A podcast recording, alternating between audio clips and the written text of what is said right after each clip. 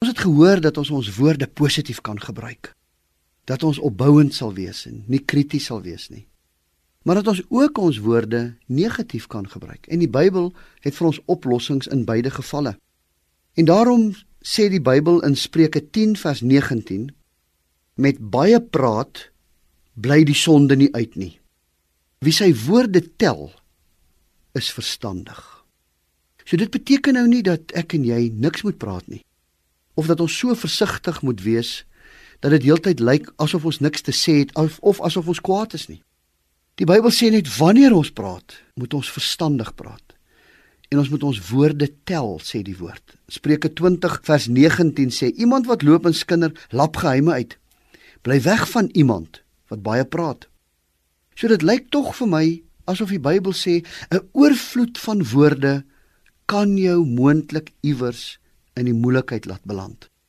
Dink 'n bietjie in die afgelope week, die woorde wat jy gebruik het.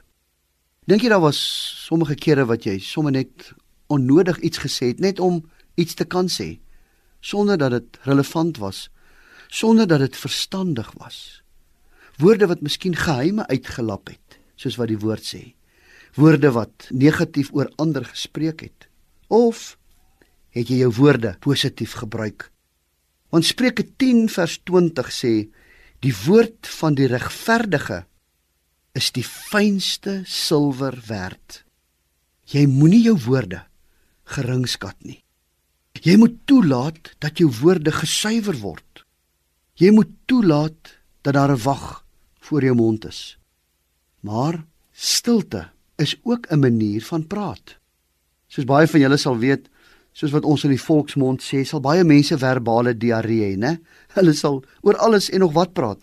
En as jy weer en as jy politiek en as jy val van die rand en as jy petrolpryse en oor alles en nog wat en uiteindelik min tot baie min sê. En baie mense gebruik hulle woorde asof hulle oor elke tweede situasie 'n opinie het. Soms wil 'n mens vir daardie tipe mense sê: Bly net 'n bietjie stil, want God praat soms in die stilte. Dit sal ook goed wees as jy met jouself sal praat. Dat jou woorde nie net uitwaarts gaan nie, maar dat jou woorde ook inwaarts gekeer is. So kom ons keer ons woorde nou inwaarts. Wanneer ons ons harte voor die Here bring en hom aanbid.